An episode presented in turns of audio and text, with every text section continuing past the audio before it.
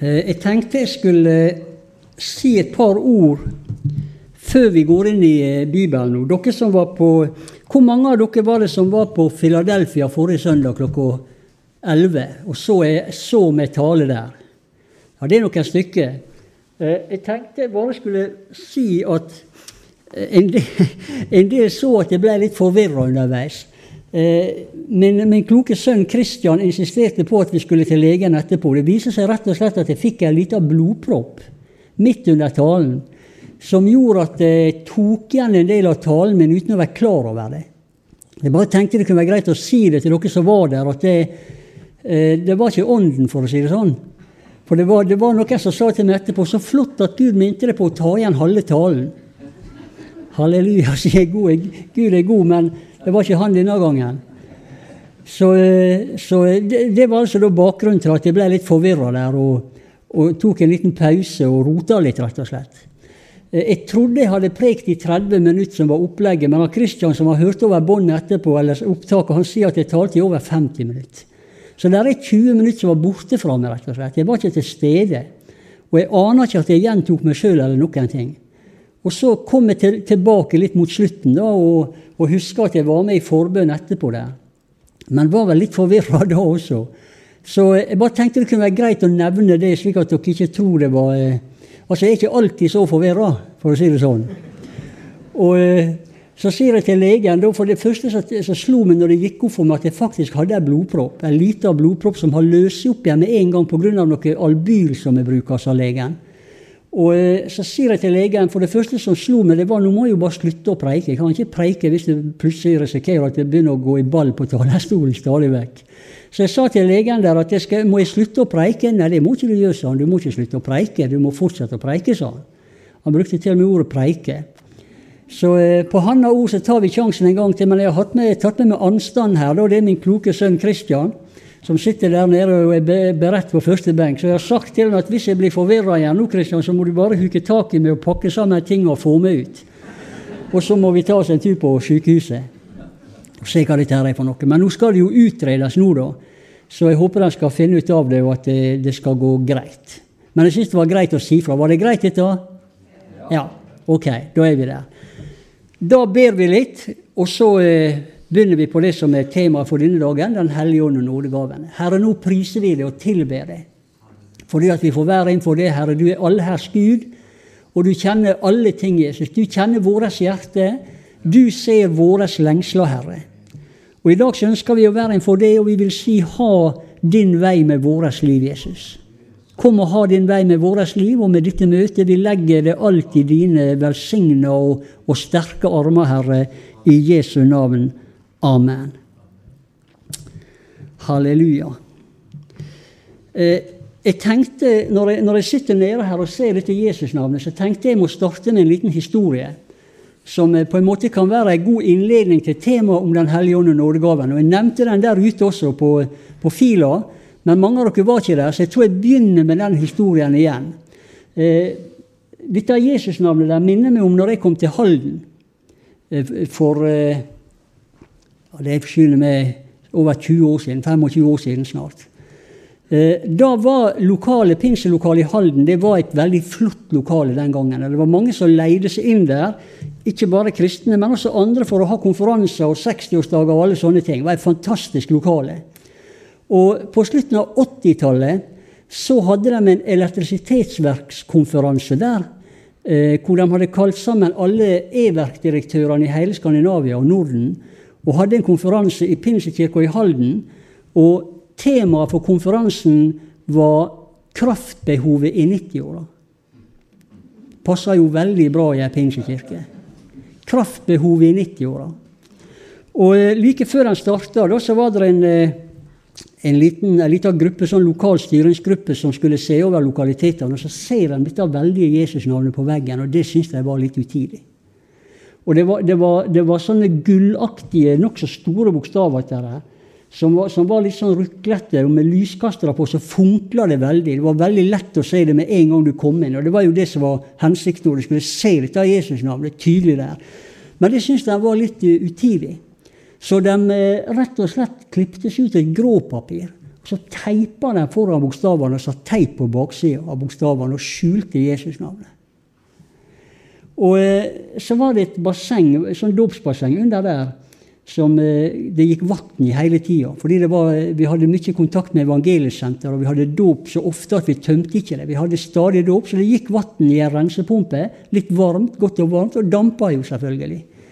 Og 300 delegater fra hele Skandinavia dampa jo bra også. Så eh, løsna teipen.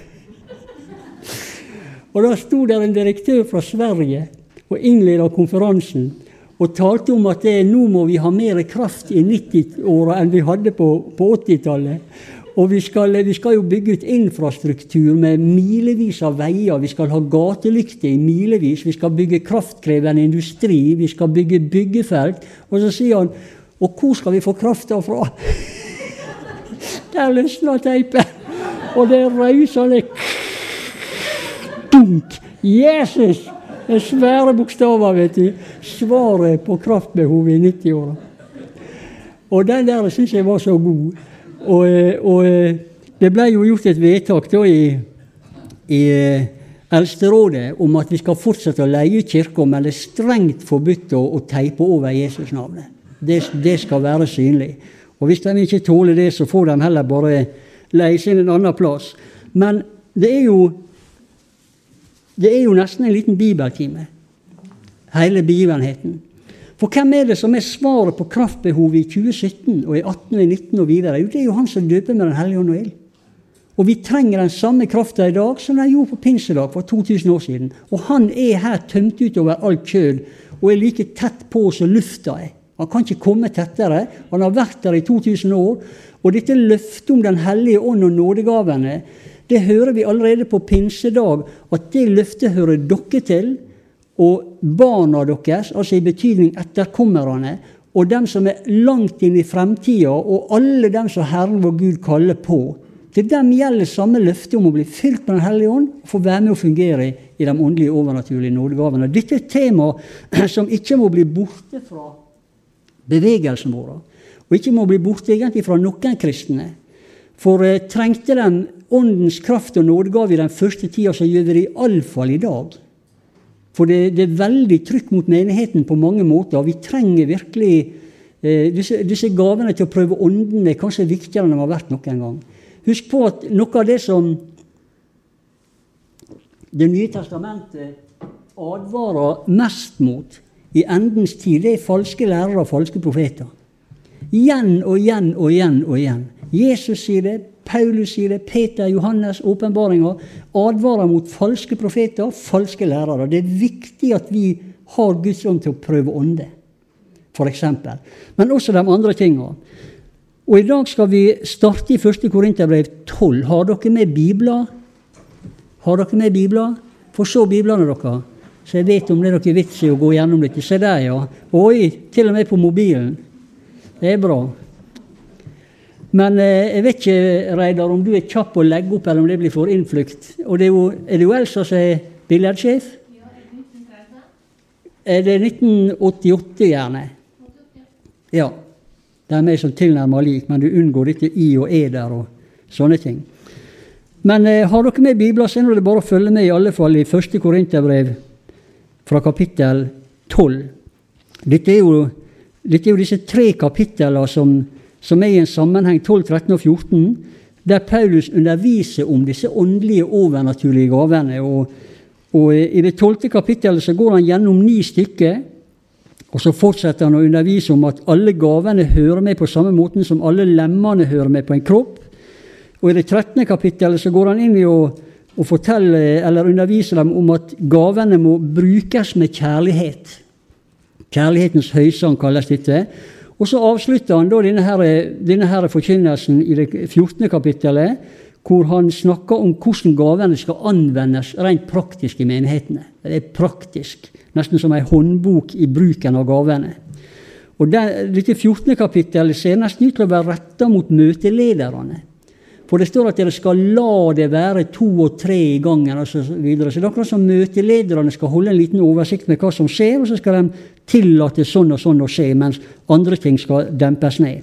Og så ser det ut som at det er noe av hovedsaken her, da, som ikke vi skal komme inn på i stor grad i dag, det er det at denne menigheten ser ut til å ha overbrukt tungetalen, rett og slett. Kanskje fordi mange av dem var åndsdøpte, og kanskje nyåndsdøpte, og, og fossa over i Jesusbegeistring. Og så var det veldig mye tungetall i møter, ser det ut som, som ikke ble tyda. Og da sier Paulus da skal dere heller profetere og tale profetisk, slik at folk skjønner hva dere sier. Det, det, er noe av hovedbudskapet her, men vi skal la det ligge, for det var litt sånn tids inn i den menigheten. Men vi skal ta ut litt generell undervisning i det tolvte kapittelet her nå. Første Korinterbrev 12. 1, og så litt nedover. Eh, men om de åndelige gavene, brødre, vil jeg ikke at dere skal være uvitende. Det er også et veldig viktig poeng. Vi skal, vi skal ha kjennskap til gavene og forstå hva det er for noe. Dere vet at den gang da dere var hedninger, ble dere dratt mot de stumme avgudene. Og, og, det som faktisk er et hovedpoeng i, dette, i denne delen, det er at avgudene ikke snakker, men det gjør Gud. Nemlig gjennom gavene. Det er noe av hovedpoenget. Avgudene er stumme og kan ikke meddele seg. Gud er en Gud som taler, og han meddeler seg gjennom gavene. Eh, derfor kunngjør dere at eh, ingen som taler i Guds ånd, kan si 'forbannet er Jesus', og ingen kan si 'Jesus er Herre' uten i Den hellige ånd. Det skal vi la ligge litt. Vi går ikke inn på det. Men så sier han da Litt tørr luft her, er det det? Er det bare pastoren som er tørr? Ja, han kjenner seg iallfall tørr. Eh, det er forskjell på nådegave, sier han. Men ånden er den samme. Det er den samme ånd som gir om å, fylle med gave. Det er forskjell på tjenester, og da tenker han kanskje særlig på disse tjenestegavene som vi finner i Feserbrevet. Apostler, evangelister, profeter, hyrder og lærere.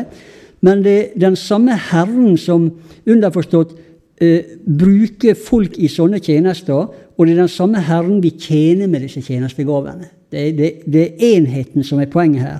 Og så er det forskjell på kraftige virkninger. Men eh, Gud er den samme som virker alt i alle. Og kraftige virkninger det kan være sånne ekstraordinære ting som, som at Jesus gikk på vannet, f.eks. Det er jo veldig kraftige virkninger. Det har skjedd i våre dager også. Og, og, det står at huset den var samla i, rysta kraftig fordi ånden tok så tak i det, og den ble fylt med Den hellige ånd. Det var kanskje én type kraftige virkninger. Og mange andre ting som vi kan tenke oss. Men det er den samme Gud som står bak det hele. Og Vi kan også si at det er noe av en, en fellesnevner i alt dette som Den hellige ånd gjør, det er at Jesus skal opphøyes. og Jesus skal bli stor, og Jesus skal bli synlig, og hans rike skal komme frem. Og Så begynner han da med litt sånn konkret undervisning om disse ni, ni gavene i vers 7, som han kaller åndens, Men åndens åpenbarelse blir gitt til enhver ettersom det er ganglig. Så Det sier noe om at vi skal være åpne for Den hellige ånd, og vi skal være mottagelige for Den hellige ånd. Og Når Den hellige ånd begynner å berøre oss, så skal vi gå ut på det som Ånden viser oss, og ikke, og ikke parkere det, og ikke tenke at nei, dette er, jeg skal ikke stikke meg frem, og jeg skal, vi er litt for beskjedne, og vi er jo sunnmøringer. Så vi er jo litt sånn tilbakelent. Men eh, når, når, Ånden taler, da må du gå på det han taler. Da skal du se en fantastisk velsignelse som følger kjølvannet av det. Eh, gis til enhver etter som det er ganglig. Og så kommer det. For én blir det gitt visdomstale ved Ånden. En annen kunnskapstale ved den samme ånd. En annen tro ved den samme ånd. En annen nådegave til å helbrede ved den samme ånd en annen kraft til å gjøre undergjerninger, en annen profetisk gave, en annen evne til å prøve ånder, en annen forskjellig slags tunge og en annen tyvning av tungene. Alt dette virker den ene og samme ånd i det han utdeler til hver enkelt ettersom han vil, altså i overensstemmelse med hans vilje. Legg merke til det. Jeg husker jeg husker når jeg var eh, Før jeg kom inn i pinsbevegelsen, så var jeg veldig aktiv i de lutherske kretsene. Jeg har masse venner i de lutherske kretsene den dag i dag. Men jeg kan huske at min tilnærming til Den hellige ånd den, gang, den gangen, det var at dette med Den hellige ånd og nådegavene, det er litt sånn ute i periferien av evangeliet. Det er litt sånn i utkanten. Og det er sånn som litt perifere sekter eller litt sånne spesielle folk er opptatt av dette med Den hellige ånd og nådegavene. Det hører liksom ikke med i sentrum av evangeliet. Det er litt sånn der ute i utkanten. Og det var helst pinsevenner og andre raringer som beskjeftiga seg med slike ting. Men det som er helt tydelig, er at når jeg begynte å lese i Bibelen, så ser jeg at det, det å ikke ville ha med Den hellige ånd å gjøre, og det å ikke ville ha med nådegaven å gjøre, det er det som er ute i periferien. Det er det som er utkanten av kristendommen. For nådegavene og Den hellige ånd og Åndens fylde, det er midt i sentrum av evangeliet. Det er midt i hjertet av evangeliet. Ikke bare det, men Den hellige ånd er selve driven i evangeliet. Så etter hvert som jeg kom inn, kom inn, i Bibelen, så skjønte jeg at dette er noe jeg må søke av hele mitt hjerte. Dette er jo sentrum. Det er ikke perifert. Det er ikke utkant. Og Sånn er det også når du leser Bibelen. Du finner ut at det, det er midt i hjertet av evangeliet. Så hvorfor er disse gavene viktige? Jeg tenkte vi skulle gå gjennom noen av dem. Vi rekker ikke alle i dag, men vi skal fortsette neste gang. Men jeg har lyst bare å si litt før vi gjør det. Hvorfor er disse gavene viktige, og hvorfor er det viktig å søke dem? Og hvorfor er det viktig at de er i livet våre og i menighetene våre? Jo, det er bl.a. fordi at gjennom disse gavene så når Gud tak i oss på en helt direkte måte her og nå. Gjennom kunnskapsord, gjennom profetisk tale, gjennom tungetydning, gjennom kunnskapsord, gjennom profetisk tale, gjennom tungetydning. Alle disse talegavene dem når Gud oss direkte med her og nå. Og Han gjør ikke det på samme måte med Bibelen, hvis du skjønner hva jeg mener med det. Vi trenger gavene, vi trenger hans tiltale inn i vårt liv her og nå. Bibelen det er jo der vi finner historiene, og det er der vi finner undervisninga, og den er levende, og det er den som gjør oss klok til frelse osv. Og vi vet at Gud kan tale til oss gjennom Bibelen også. Det har vi opplevd mange ganger. Men gjennom nådegavene så kan han tale direkte inn i situasjonene her og nå. Og husk på at de første kristne hadde ikke engang Bibelen. Men de hadde nådegavene. Og Gud nådde dem hele tida gjennom disse gavene.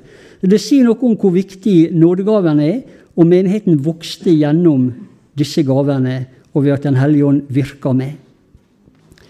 Vi skal se litt nå på noen av disse gavene og hva de inneholder. For det står at vi skal ikke være uvitende om dem. Vi skal ikke være uvitende om de åndelige gavene.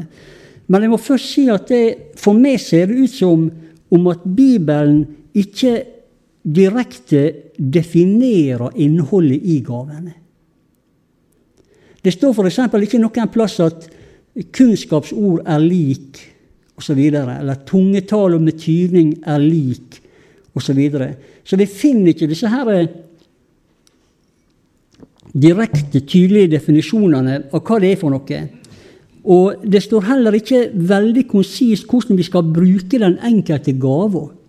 Men det står, en, en, det står, et uttrykk i 1. Johannes brev eh, dere har salvelse av Den hellige, og trenger ikke til at noen lærer dere noe.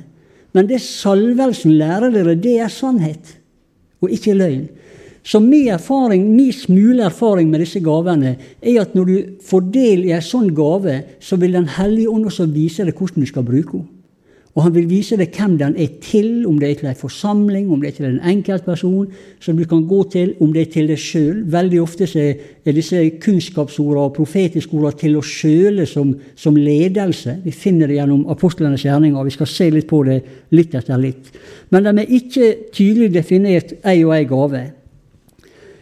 Eh, når det gjelder visdomsgave, som er den, er den første som er nevnt her Til en gis visdomstale ved Ånden. Det ser for meg ut som om at visdomstale er en overnaturlig, guddommelig visdom som kan bli gitt oss inn i en nesten uløselig vanskelig situasjon. Og plutselig så kan en person få en visdom fra Gud som bare setter alt på plass, og så løses det i løpet av et øyeblikk eller løpet av kort tid. Det er mange eksempler på at Gud har gitt folk sånn visdom i, i vanskelige situasjoner. Til og med i vanskelige tekniske situasjoner. Vet om folk som har fått en visdom til å løse det. Men som oftest så ser vi for oss at det kan være i mellommenneskelige forhold, det kan være i, i eh, menighetsforhold, at plutselig så kommer det et innslag av en visdom som alle skjønner dette er Gud. Sånn gjør vi. Sånn løser vi det. Dette går vi for. Sånn ser den gava ut til å virke for meg. Eh, bare et eksempel. For noen år siden når jeg var pastor i Telemark, så var jeg borte i Vest-Telemark. og talte i et møte der. Og det var så langt tilbake til Notodden at de inviterte meg på kvelds. Så vi satt noen stykker og spiste kveldsmat rundt et eh, salong rundt et spisebord på kvelden før jeg skulle hjemover. Vi var en åtte-ti mennesker. Og eh, mens vi sitter og spiser der, og, og deler litt bibelvers og, og, ber litt sånn med hverandre og har et fint, spesielt fellesskap, så plutselig så får jeg et profetisk budskap til han mannen som sitter beint over bordet mitt. Kona satt ved siden av han, jeg har aldri sett dem før, jeg kjente ingen av dem. Men plutselig så viser Den hellige ånd meg tre ting om denne mannen som sitter rett foran meg over bordet. For det første så fikk jeg se at denne mannen kommer til å trenge overnaturlig visdom i nær fremtid. For det andre, det er en sak som dukker opp i forbindelse med kona hans, som satt ved siden av han her. For det tredje, Gud vil vi skal legge hendene på han og be om at Gud gir han guddommelig visdom. Og så når det var naturlig måltid, så sier jeg til han karen eh, Gud viser meg at du kommer til å trenge overnaturlig visdom snart. Og så sa ikke jeg at jeg hadde med kona å gjøre, for det følte jeg ikke angikk alle sammen. Og så sa jeg skal vi få lov å be for det, at Gud gir deg visdom. Ja, det må dere gjøre. klart det. Så stilte vi oss rundt han, og vi la hendene på han, og vi ba i 10-15 minutter. Vi var en, en, en flokk som, som, ba i tur og orden. Og eh, så spiste vi fra oss, og så reiste jeg hjem til Notodden. Så gikk det tre-fire-fem dager, og så hadde jeg glemt det. Du vet, Ting skyves bak i hodet etter hvert som dagene går. Så var det bare borte fra meg. Så går det to måneder, så ringer han tilbake til meg og så sier han, disse to månedene har vært den verste måneden i mitt liv. Allerede dagen etter du reiste, så dukka det opp en sak rundt kona mi, sier han. Og det har vært så vanskelig. Men vet du, jeg har fått en sånn visdom til å snakke for meg og til å svare for meg. Og jeg har snakka med mange mennesker jeg har ikke hatt sånn visdom i mitt liv til å svare som disse to månedene. sa han. Og vet du, nå har alt lagt seg, og kone, kone og jeg vi har det så godt som vi aldri før har hatt det. Jeg hadde bare lyst til å ringe tilbake og si takk, sa han. Så dette kan være et eksempel på, på både hvordan profetisk gave kan forløse i dette tilfellet ei visdomsgave, men det er også et eksempel på hvor viktig nettopp den profetiske gava er, og hvorfor den har en fremskutt posisjon, og hvorfor vi skal særlig søke etter å tale profetisk. Det er gaver som kan forløse andre situasjoner og forløse andre gaver. Vi skal komme til det når vi kommer til den gava. Men dette er et eksempel på det jeg tror er denne gava med overnaturlig visdom inn i gitte situasjoner. Som Gud gir ettersom det er ganglig. Og denne gangen var det helt åpenbart ganglig. Men det sier også noe om at det er viktig å søke sånne gaver, for dette trenger vi i livet vårt i større og mindre grad, alle sammen. Den andre gava, det er det som heter kunnskapsord ved Ånden, eller kunnskapsord ved den samme ånd. Vi skal gå til apostelgjerningene 8 nå, skal du få se et uh, par eksempel her. Apostelgjerningene 8, hvis du har med Bibelen. Kunnskapsord ved Ånden ser for meg ut som å være en litt sånn hverdagsgave, der Gud taler inn i hverdagene våre og leder oss gjennom bitte små, enkle setninger med nødvendig kunnskap inn i en sånn gitt her og nå-situasjon. Og Når du ser disse gavene, denne gaven spesielt da med kunnskapsord i bruk i Bibelen, så er det nesten alltid bare en setning eller to. Det er ikke noen lange prekener, men det er bare en liten setning som er helt nødvendig der og da. Og bare for tida sin del, bare et par små eksempel i kapittel 8 her, vers 26. Der står det sånn Men en Herrens engel talte til Philip og sa:" Stå opp og gå sørover ned til den veien som går fra Jerusalem ga, eh, til Gaza. Selv om det er en engel som taler det her, så er det i prinsippet et kunnskapsord. Men det her er da ved en engel. Så, så på det, den enkle lille beskjeden og det enkle lille åpenbaringsordet, så drar Philip av gårde og kommer ned og finner en etioper, en hoffmann, en høy embetsmann hos Kandake, dronning i Etiopia, som var satt over hele hennes skatt. Vi, kanskje vi ville si at han var en slags finansminister eller noe sånt. Som nå hadde konvertert til jødedom, og som var kommet til Jerusalem for å, for å tilbe. Så sitter han på hjemveien på vogna si og leser profeten Esaias. Og så står det neste steget av ledelse. Og ånden sa til Philip, gå bort til denne vogna og hold det nært. Altså Bare igjen en liten setning. Men det var helt nødvendig der og da, ellers hadde Philip ikke gjort det. Så Gud nådde Philip med sånne små kunnskapsord, små dagligdagse eller hverdagsledelser. Og, og Philip går bort til vogna, og så kan vi jo denne historien. Hoffmann blir frelst, han blir døpt i vann, og han drar til Etiopia. Og Jeg liker å tenke på at han tok med seg evangeliet dit. Jeg kan vanskelig tenke meg at han klarte å tie helt stille når han kom hjem. Og selv om ikke vi har ikke vitnesbyrd om det, så tror jeg at han dro med seg evangeliet til Etiopia. Så dette var to enkle, små setninger med, med kunnskap rett inn i, inn i, en gitt situasjon. Sånn finner vi mange mange eksempler på i, i apostlenes gjerninger. Og hvis du, hvis du har tid en gang, og du, og du, begynner å lese gjennom denne boka for å finne det, så finner du mye praktiske eksempel på at kunnskapsord ved Ånden blir gitt i sånne små dagligdagse hverdagshendelser. Når jeg sier hverdags, så mener jeg ikke hver dag. Det kan gå lang tid mellom hver gang, men det er i hverdagslivet. Og det, det, ser faktisk ut som at det skjer oftere ute i livet deres enn akkurat i menigheten. Men det skjer også i menigheten. Vi kan ta et eksempel på det forresten i kapittel 13. Kapittel 13, i vers 1 og 2. Apostelgjerningene 13, 1 og 2.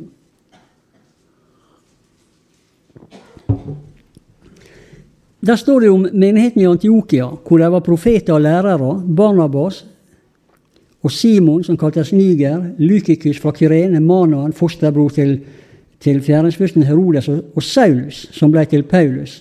Så står det mens vi holdt gudstjeneste og fasta, sa Den hellige ånd. Det betyr gjennom en nådegave. Han taler sjelden og aldri ut i lufta, så vidt jeg vet, men han taler gjennom vitnene sine i menigheten. Så sier han denne ene setninga Ta ut for meg Barnabas og Saulus til den gjerning som jeg har kalt dem til.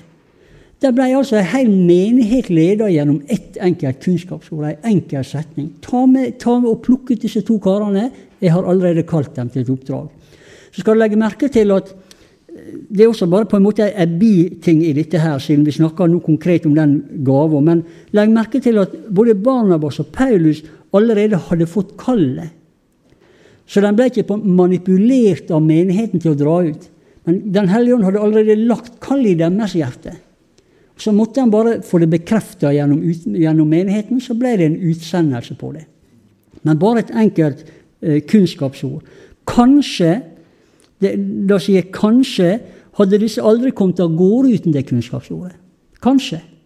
Kanskje var det så viktig.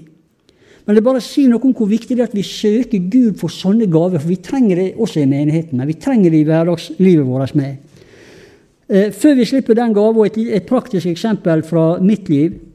Eh, når jeg kom til Notodden som pastor, eller før jeg var begynt som pastor, så eh, var jeg der og Det heter vel prøvepreika.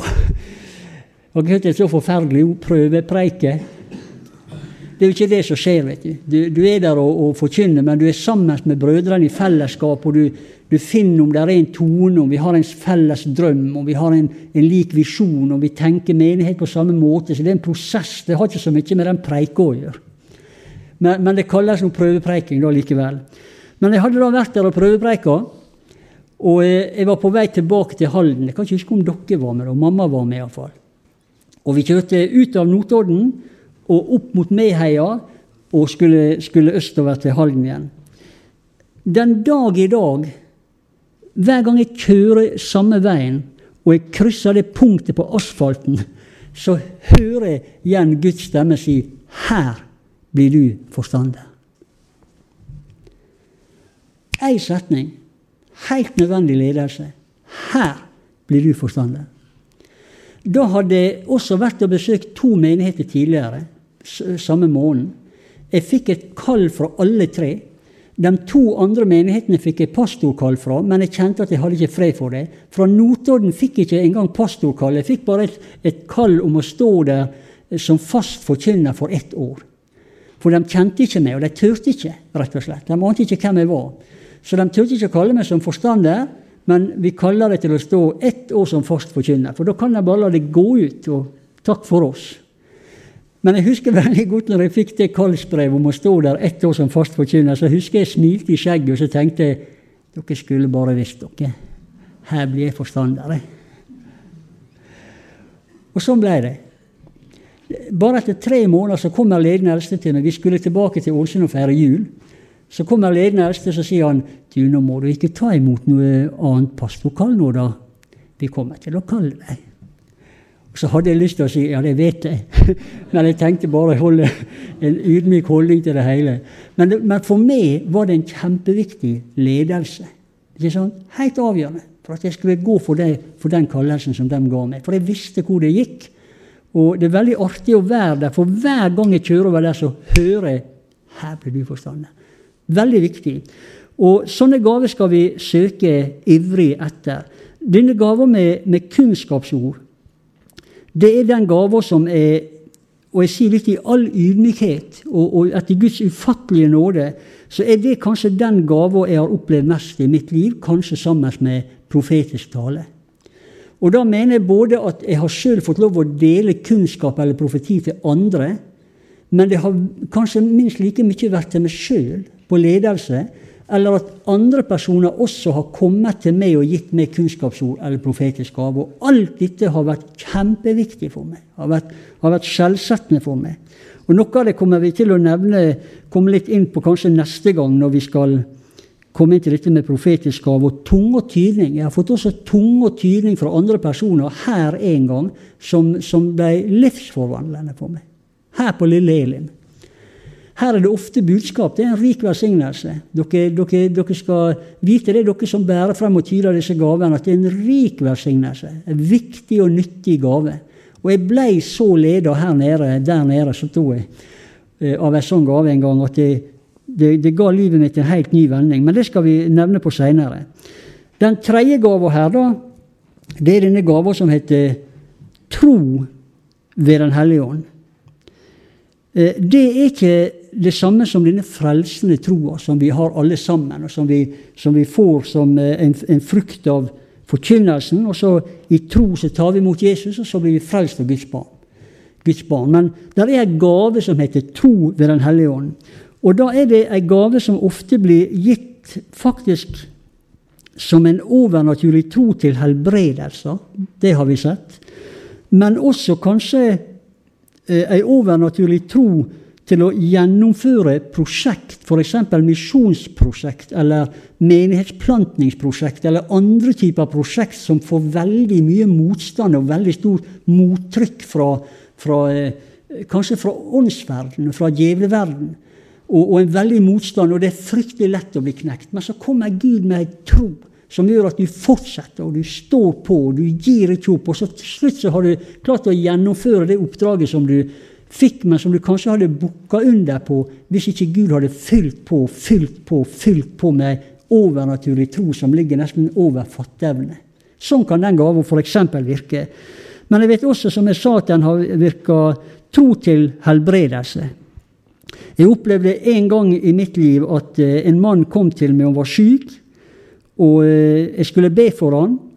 Og vi hadde planlagt at vi skulle, eh, vi skulle spise middag i lag. Og så skulle vi lese litt i Bibelen i lag. Og så skulle vi prise Jesus litt sammen. Og så på slutten så skulle jeg be for han. Men mens jeg står og, og rører i lapskausgryta, og han sitter bak meg og leser fra Bibelen, så leser han et vers fra Lukas 15, hvor det står i, i forbindelse med den lignelsen om den fortapte sønnen, så er det et vers som sier 'Alt mitt er ditt'. Med en gang han leser det, så bare flammer det opp ei tro i meg som gjør at jeg snur meg mot han. Og han ble litt sånn perpleks, for det var ikke det, var ikke det vi hadde planlagt. for utenfor planen. Men jeg snur meg mot han og ber for han, og han blir momentant helbreda. Tro, tror jeg, som var forløst ved et ord som bare sakk inn og skapte en situasjon der og da. Sånn kan f.eks. troens gave virke. Så er det denne fjerde, da, som heter helbredelse ved den samme ånd. vi, vi, skiller av og til, og i hvor stor grad det er 100 rett, det er ikke så lett å si, men det, det er iallfall med å sortere noe i tankene våre. Når vi sier at helbredelse eh, er en legende prosess som tar litt tid, rent sånn teknisk, dette her, mens kraft til å gjøre undergjerninger er en helbredelse som skjer øyeblikkelig. Det er på en måte en måte å sortere disse, ting på, disse tingene på. Ordet 'helbrede' på gresk det skal visst være det samme som å kurere. Og Da sier det seg sjøl at det er en liten prosess som tar en, en, dag eller noen timer, mens et under skjer sånn øyeblikkelig. Eh, vi ser også at mange av disse gavene på en måte går litt inn i hverandre. Det, det, er ikke alltid så lett å skille en helbredelse et mirakel. Det er ikke så lett å skille kunnskapsord fra profetisk tale eller visdomstale. De, de, de henger litt i hop også. Så det viktigste er ikke helt å skjønne dem, men det viktigste er å søke dem og få oppleve dem i livet vårt og i menighetene våre. Eh, men helbredelser tar av og til litt tid. Timer, dag eller to.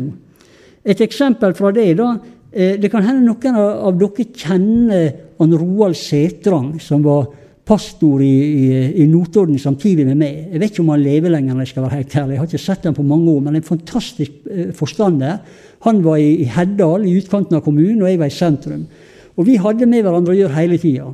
Han fortalte meg om en vidunderlig helbredelse som skjedde i Hanna menighet, som jeg aldri har glemt, og som jeg minner meg sjøl på i mange forskjellige situasjoner i mitt liv. Han fortalte det på denne måten her, og dette, dette er litt Roald sine egne ord, måten han sa det på. Det var, helt, det var et helt alminnelig onsdagsmøte, sa han. Med det som mente han et litt kjedelig møte. Eh, det var de alminnelige folka som satt der, 15-18 mennesker. Eh, jeg holdt en helt alminnelig preken. Eh, Sangkoret sang disse helt alminnelige sangene sine. Eh, vi hadde en helt alminnelig innledning. Alt var helt alminnelig, sa han. Og som vanlig så, så innbød jeg, alminnelig som jeg pleier, til forbønn. Og som vanlig kom samme dama frem, sa han. Hun med hoftene som aldri ble helbreda. Eh, og når jeg så hun kom frem igjen, sa han, hun hadde vært syk i årevis, hun dro på ei hofte og var skada. Og når jeg så hun kom frem, sa han, så så jeg på eldstebrødrene som satt der, alle sammen snudde seg andre veien og lot som de ba. Var veldig åndelig. Å, kjære Jesus. Men egentlig så, så snudde de seg vekk for å slippe å gå bort og be for henne for 150 en gang. Eh, Gjengir han Roar. Så jeg var nødt til å gå og be for henne igjen, sa han. Som jeg hadde gjort utallige ganger. Og jeg går og legger hendene på sa han. Jeg hadde ikke mer tro den dagen enn dagene før. Der kommer Gud. Og dama blir helbreda i et alminnelig, etter hans uttrykk, kjedelig onsdagsmøte. Dama blir helbreda, røyser seg opp og er mye bedre. Og begynner å gå og kjenne at hoftene blir bedre, og hun gikk hjem igjen, eller hun dro hjem igjen den kvelden. Var enda bedre utover kvelden. Den natta sov hun hele natta gjennom uten smerte, og neste dag så var hun, var hun frisk helbredelse ved Ånden. Sånn er Gud. Og, og det, Grunnen til at jeg aldri glemmer den, det er at de, de ba for henne utallige ganger. Og jeg vet ikke hvor mange ganger jeg har bedt for henne Birgit, som dere kjenner alle sammen. Men stadig så tenker jeg på hun dama som de hadde bedt for i årevis. Og plutselig så kommer Gud i et kjedelig onsdagsmøte.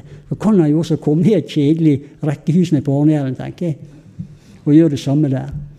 Så jeg har noen sånne, har noen sånne minnesteiner som, som, jeg bruker for å holde fast på troa.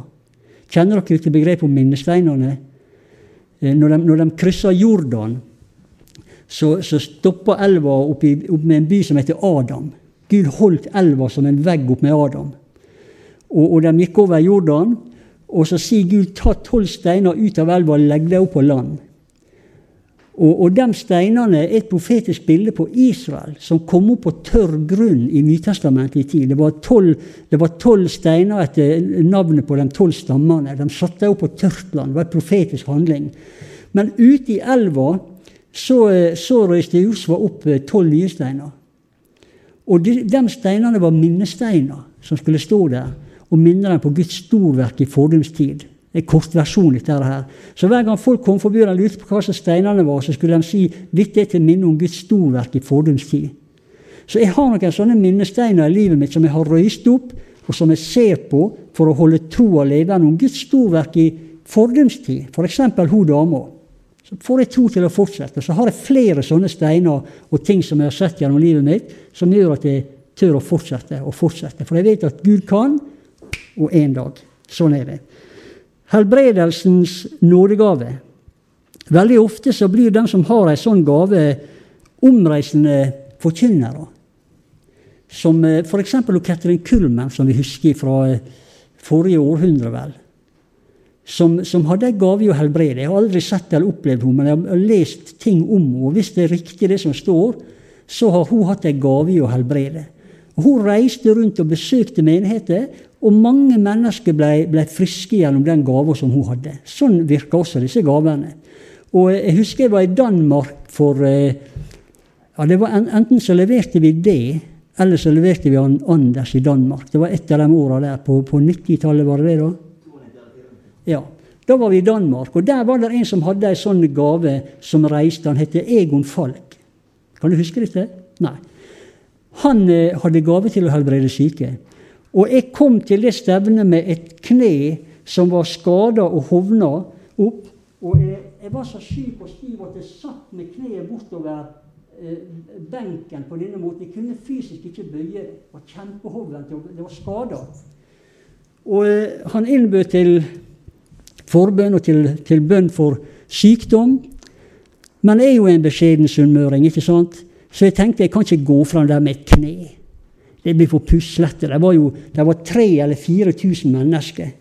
Og sikkert 200 søkte frem med alle slags sykdommer, så jeg tenkte jeg går ikke frem med et kne. Det er for dumt. Så der satt jeg og verka med et stivt hovent kne. Jeg sier ikke at dere er så beskjedne, ikke det mener. Må ikke misforstå. Men jeg satt der og verka med dette kneet mitt. Og etter en stund så sier han Falk fra talerstolen der, da. Eh, hvis her er noen som har vondt en plass nå, men som ikke turte å komme frem, så bare legg handa der du er syk, så skal jeg be ei bønn fra talerstolen her, sa han. Så tenkte jeg det kan jeg nå gjøre. jeg behøver ikke være så beskjeden. Så jeg legger, legger handa mi opp på dette stive, hovna, låke kneet. Og idet han ber, så hører jeg det knaser inn i kneet mitt. Det knasa inn i kneet mitt. Det sa akkurat sånn.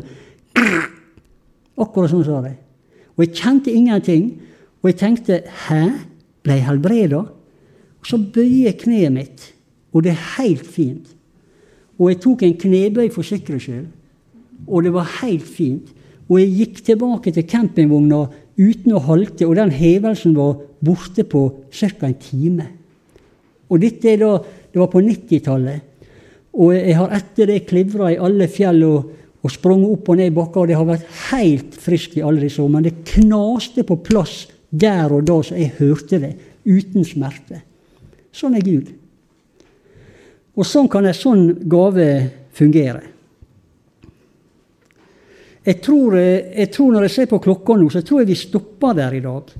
Og så skal vi heller eh, fortsette neste søndag med å ta for oss disse siste gavene som heter kraft til å gjøre undergjerninger, profetisk gave, som er veldig viktig og en fremskutt gave. Og denne gava til å prøve ånde, som er så viktig i dag. Og så tunge og tydning, da, som kanskje er den, er den mest brukte av gavene, iallfall i våre pinsekarismatiske sammenhenger. Så det er veldig ofte tunge og tydning som er brukt. Så det er ei rik og ei berikende gave. Hensikten med disse gavene det er å bygge opp menigheten. Det er å helbrede syke, og, at, og at folk med smerte og lidelser skal bli friske. Og så er det en kjempeviktig eh, hensikt med dem som går på dette som jeg kalte for hverdagsledelse. Gjennom profeti, gjennom kunnskap osv. Så, videre. så det, det, er veldig veldig viktig at vi søker disse gavene. Bibelen sier i 1. Korinterbrev søk med iver etter de åndelige gavene. Søk med iver etter de åndelige gavene. Eh, hva er det å søke ivrig? Jeg tenker sånn at det må være forskjell på å søke og så søke ivrig. Ellers har ikke det stått sånn. ikke sant? Det står 'søk ivrig'. Og da tenker jeg at det å søke disse gavene, det er også å si til Gud 'Gud, jeg er åpen for deg'. Jeg er åpen for deg, Gud. Jeg vil at du skal ta mitt liv i, i sterkere bruk. Gi meg disse gavene. Jeg vil gjerne fungere i, i din ånd. Det er å søke. Men hva er det da å søke ivrig? Det er det vi skal. ikke sant? Vi skal søke ivrig. Jo, jeg tenker da at Sånn som Timoteus som i sin tid søkte eldsterådet ved håndspåleggelse, står det.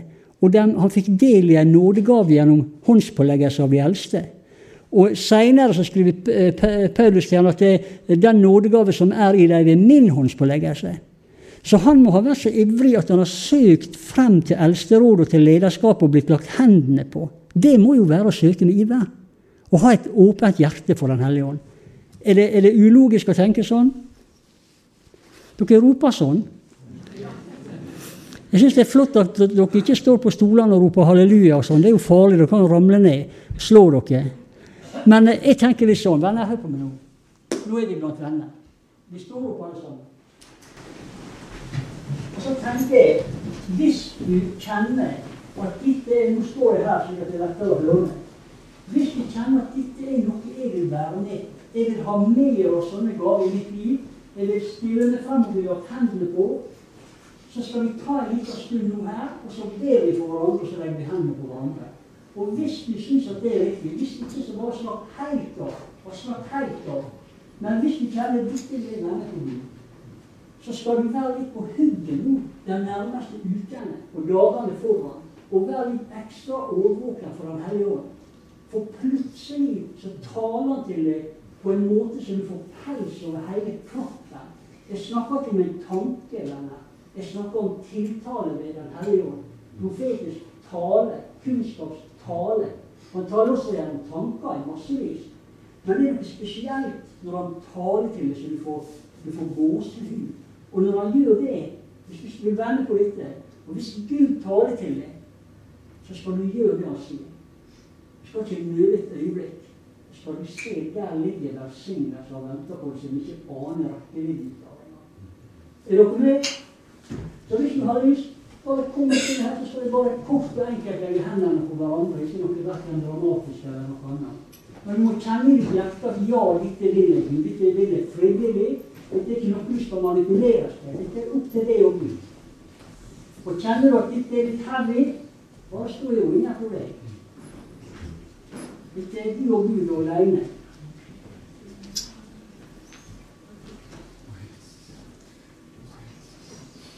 Og når vi står sånn og ber nå Hvis noen av dere kjenner at dere får et budskap, enten det er tunge eller tyving eller hva det er, så bare kom opp her og del det med oss fra, fra, fra mikrofonen her, slik at vi hører det. Vi vil gjerne høre. Men én i gangen, som det står. Er det greit at vi gjør det sånn? Jeg bare tenker, hvordan å ha litt svak lovsang på, slik at vi kan be litt? Det kan være personlige og private ting. Det er ikke slik at det er behov for at alle hører hva vi ber om. Vi har litt musikk på bakgrunnen, så er det lettere å, å være litt personlig også. Være litt frimodig og si hva vi ønsker. Det er ikke så kjekt alltid at det er fullt offentlig. Og noe som, som står der, dere må bare stå og be. Bare, bare stå for disse som kommer frem her. Dette er veldig spennende. Jeg husker på Notodden. Der mangler vi tydning. Vi hadde, vi hadde, flere som talte i tunge, men vi hadde bare én som tyda. Og hvis han ikke var der, så ble det ingen tydning. Og da går liksom lufta litt ut av møtet. Det blir en liten nedtur. Så da stilte vi frem noen stykker som hadde tro for det. Jeg talte om det. Og så la vi hendene på den, og rett etter det så fikk hun bedre tyving for første gang i sitt.